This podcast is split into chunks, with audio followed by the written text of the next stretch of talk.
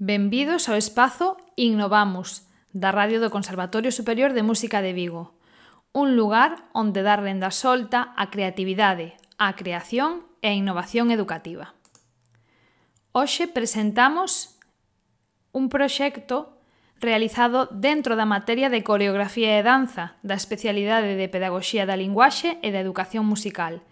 Como xurdiu? Pois a idea era dar cabida, dar asa a creatividade dentro do ámbito dun traballo colaborativo. O punto de partida era moi sinxelo, alo menos nun principio. Tiña que haber unha danza, xa fose de xeito central ou como un elemento máis do proxecto, e ademais tiña que estar ubicado, localizado, contextualizado nun referente literario.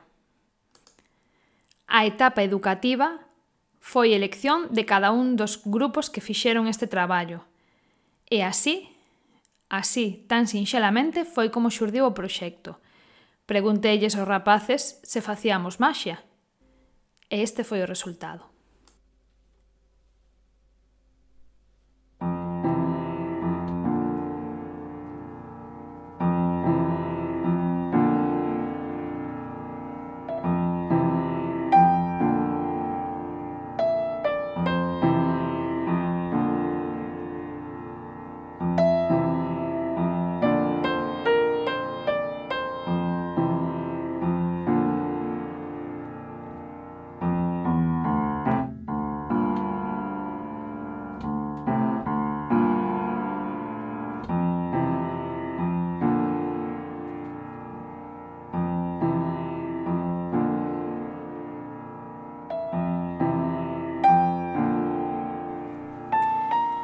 Para falar do primeiro dos grupos, composto por Rosa Ana Cayetano e Juanjo Rodal, teremos que partir dunha pregunta que eles mesmos se fixeron. Falamos dun milagre? Para elixir a súa referencia literaria, recurreron á literatura xaponesa. E a elección da súa obra foi O planeta da caixiña de música, que, segundo eles explican, nos embarca nunha viaxe a través das emocións, onde o elemento fundamental é a linguaxe musical e o seu poder de unificación. Di o texto deste fermosísimo libro que a música ten o papel de entreter e facernos esquecer, aínda que sexa só por un intre, a realidade a que nos enfrentamos cada día. Recorreremos, xunto con Campanella e Iona Iona, unha historia tecida con valores humanos e con sentimentos máis profundos, o amor, a igualdade, o poder de superación, a solidariedade, co fin de unir dous mundos que a simple vista son diferentes, pero que en realidade son iguais. A música, non podía ser menos, é o eixo principal e sabíamos que podía interrelacionarse facilmente con outras artes. Así falan eles mesmos do seu proxecto. Este foi o xeito no que uniron artes plásticas, artes escénicas, as artes literarias e, por suposto, o don da palabra. O ámbito educativo no que ubicaron e localizaron este proxecto foi un colexio de educación primaria. Para eles é un ámbito no que se pode traballar a interdisciplinariedade con solvencia.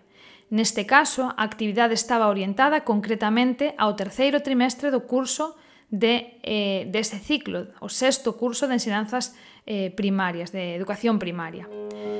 Nese momento xa terían traballados os contidos necesarios previamente e así poderían buscar a participación de todo o alumnado, desenvolvendo diferentes roles que permitirían a inclusión de persoas con dificultades de aprendizaxe ou con necesidades específicas, polo que o seu perfermoso proxecto é un proxecto inclusivo.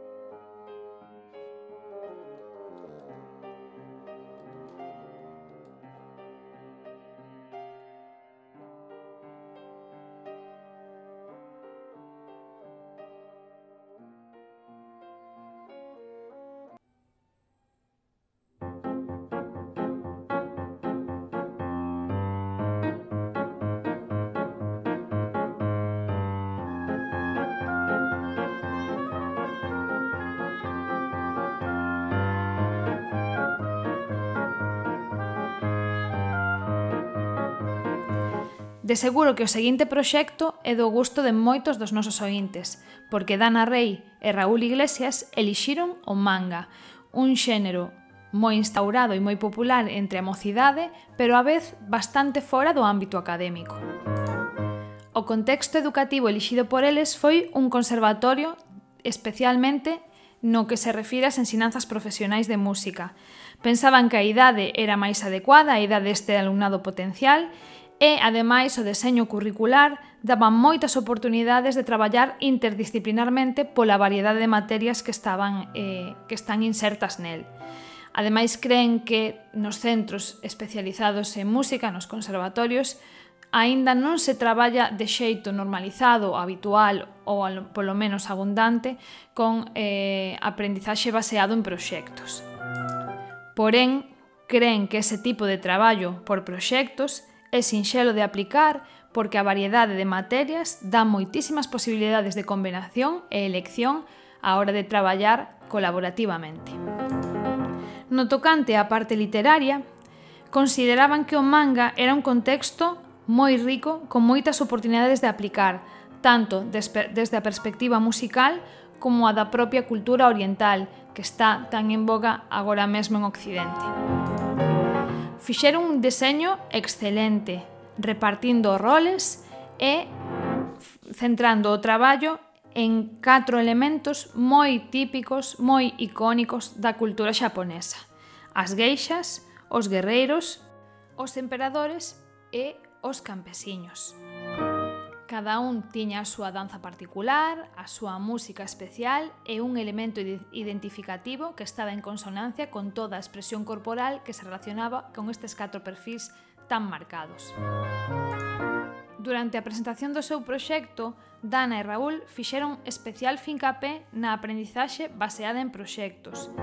Pensaban que cada materia e grupo precisaba dos outros grupos e materias para poder levar a cabo con éxito ese, ese proxecto. É dicir, que cada función era un elo dunha mesma cadea. Sen a anterior non podía continuar a realización deste traballo. Ademais, como alumnos que foron das ensinanzas profesionais e pensando no seu futuro traballo docente, crían que este tipo de proxectos eran perfectamente fáciles e factibles de levar a cabo, iso sí, con traballo e esforzo de todas as partes, pero á vez motivadores e estimulantes para alumnado e profesorado.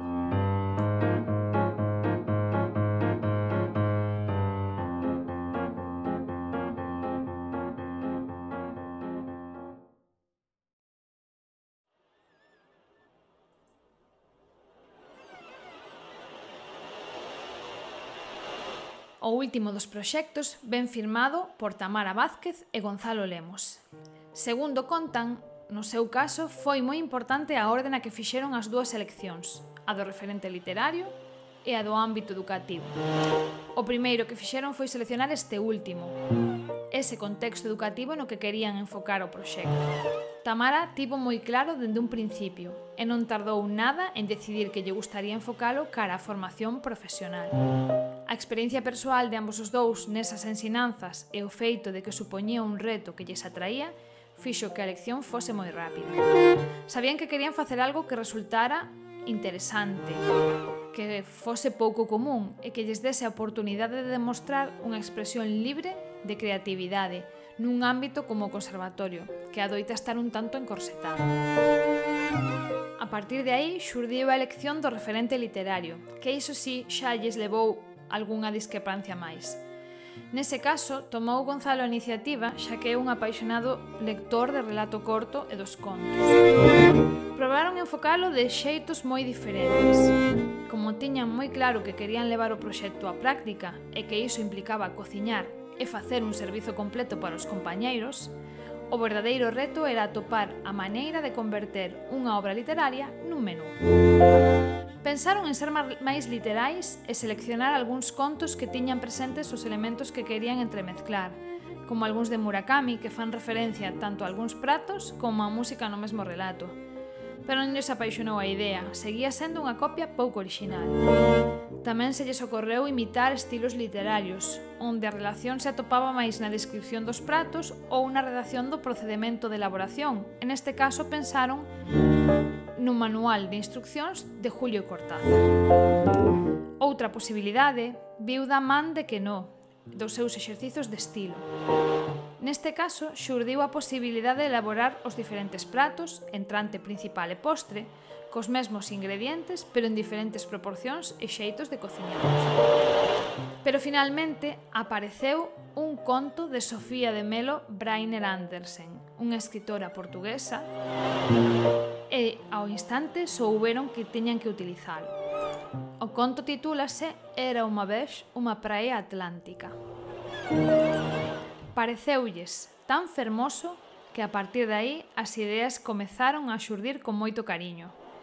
A ambientación de cada prato en cada momento da vida da protagonista, a música, a danza... Todo ten un significado que non puideron explicar no proxecto.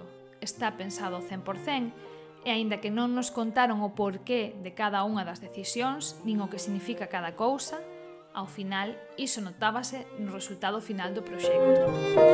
No día da presentación do proxecto, escoitamos música composta por Gonzalo, degustamos os pratos asociados á idea, vimos unha expresión corporal relacionada co conto e todo baixo ese halo, baixo ese, esa sombra do conto máxico de Sofía de Melo.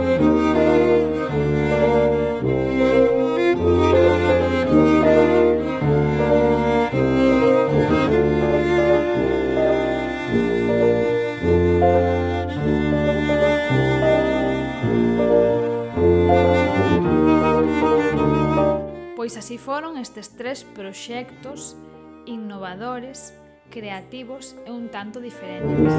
Esperamos que esa semente de traballar colaborativamente, de procurar a creatividade, de innovar dentro da, da vida diaria de aula se espalle máis alá das catro paredes e estes alumnos consigan leválo a súa vida profesional. A música que acompaña este podcast foi a que acompañaba tamén o proxecto da Praia Atlántica, é de autoría do alumno Gonzalo Lemos. Desde aquí, animo vos a todos a continuar este espírito innovador. Elevo vos a mesma pregunta que facía ao principio. E se facemos máxia?